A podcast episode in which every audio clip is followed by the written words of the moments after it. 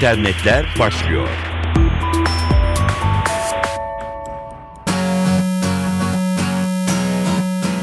Sevgili dinleyenler merhaba, ben Dilara Eldaş. Dijital dünyanın gelişmelerini aktaracağım.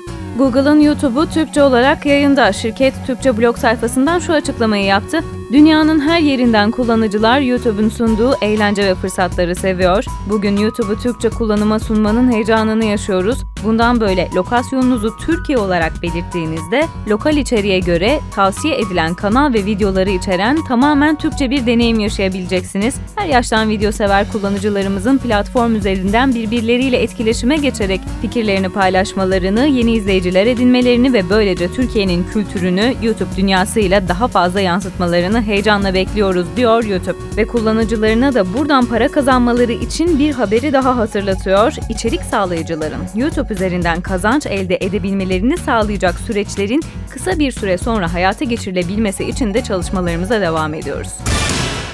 Bilişim devinin gözü Fatih projesinde. Microsoft'tan bahsediyoruz. Microsoft araştırma geliştirmeden sorumlu başkan yardımcısı Tony Hay, Microsoft'un Fatih projesi için planlarını anlattı. Hay, Fatih projesi için çok heyecanlıyız. Özellikle ikinci jenerasyon olan Surface'lerle çok başarılı olacağımızı düşünüyoruz dedi. Microsoft Research'un Avrupa'da İspanya, Fransa, İtalya ve dördüncü olarak da Türkiye'de Koç Üniversitesi ile ortak bir araştırma geliştirme merkezini açtığını da belirtti Hay. Ancak bu merkez dışında Fatih projesi kapsamında Türkiye'de bir ARGE yatırımımız söz konusu olabilir. Amerika Birleşik Devletleri'nde telefonu kullanarak öğrencilere programlamayı öğreten bir yazılımımız var. Bunu belki Fatih projesine katabiliriz diye bir haber de verdi.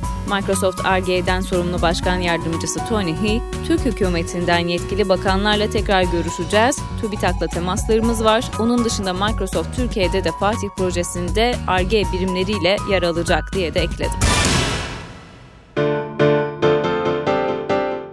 İki boyutlu dijital çizimleri plastik ve metalden üç boyutlu nesnelere dönüştüren yazıcılar sanayinin gözdesi.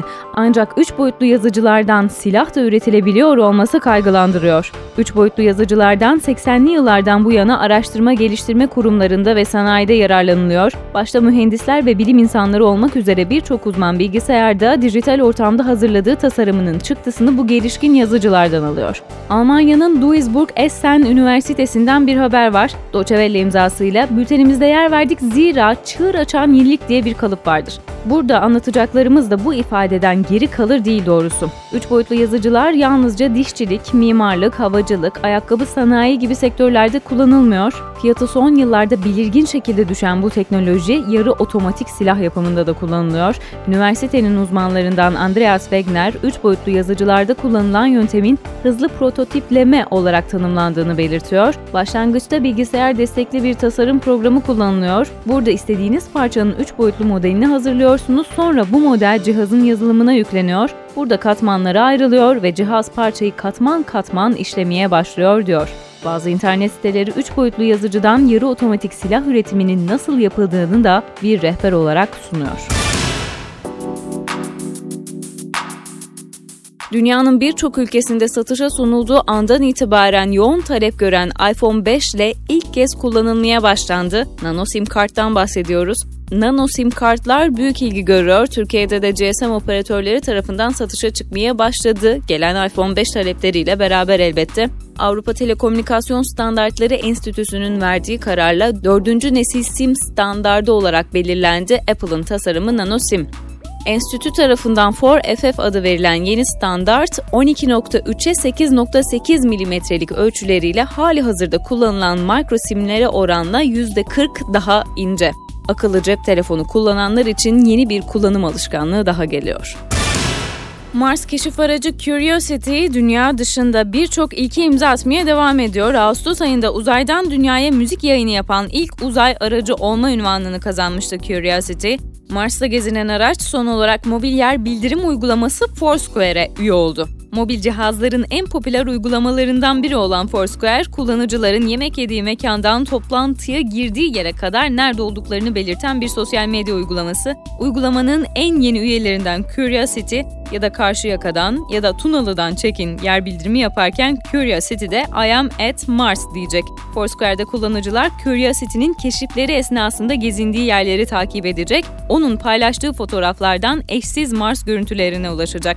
NASA bunun bir ilk olduğunu hatırlatarak keşif aracının yeni lokasyonlarını paylaşmak için uygulamaya dahil olmayı düşündük. Foursquare'daki paylaşımlar sayesinde dünyadaki herkes Curiosity'nin görevi hakkında daha fazla bilgiye sahip olacak ve Gale kraterindeki gezintisini takip edebilecek dedi. Uzay aracının bir ilkini daha hatırlatalım. Curiosity Ağustos ayında Mars'tan dünyada Reach for the Stars parçasını radyo dalgalarıyla göndermiş ve dünya dışında müzik yayını yapan ilk insan yapımı araç olmuştu.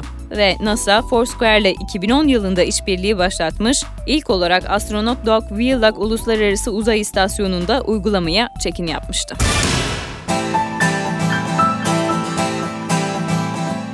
İnternette telefonu olan bizler. Tebrikler, Türkiye'de 10 milyona ulaşmışız. Yandex.metrika'nın ölçtüğü bir veri bu. Web sitelerine yapılan ziyaretleri analiz etmiş, kullanıcı aktiviteleri ve kullanılan cihazların ana özellikleri ortaya çıkarılmış böylelikle. Ağustos 2012 itibariyle Türkiye'de 10.6 milyon mobil internet kullanıcısı bulunmakta. Tabii buna sadece telefonu değil, tablet, bilgisayar ve laptoptan mobil interneti kullananları da eklemek gerek. Windows 7, Türkiye'de masaüstü ve dizüstü kullanıcılarının yarıdan fazlası işletim sistemi olarak Windows 7'yi seçiyor tarayıcı olarak da Internet Explorer'ı. Türkiye'de 35 milyondan fazla internet kullanıcısı bulunmakta. Bu kullanıcıların çoğu web sitelerini masaüstü ve dizüstü bilgisayarlarından ziyaret etmekte. Aynı zamanda internete mobil olarak erişen kullanıcı sayısı da geçen yıla göre hızla artmakta. iki katına çıkmış durumda Ağustos itibariyle. İnternete mobil olarak erişen kullanıcıların %65'inden fazlası ise mobil Safari tarayıcılarıyla Apple cihazlarını tercih ediyorlar. Gelişmeleri aktardık efendim. Tekrar karşınızda olacağız. Şimdilik hoşçakalın.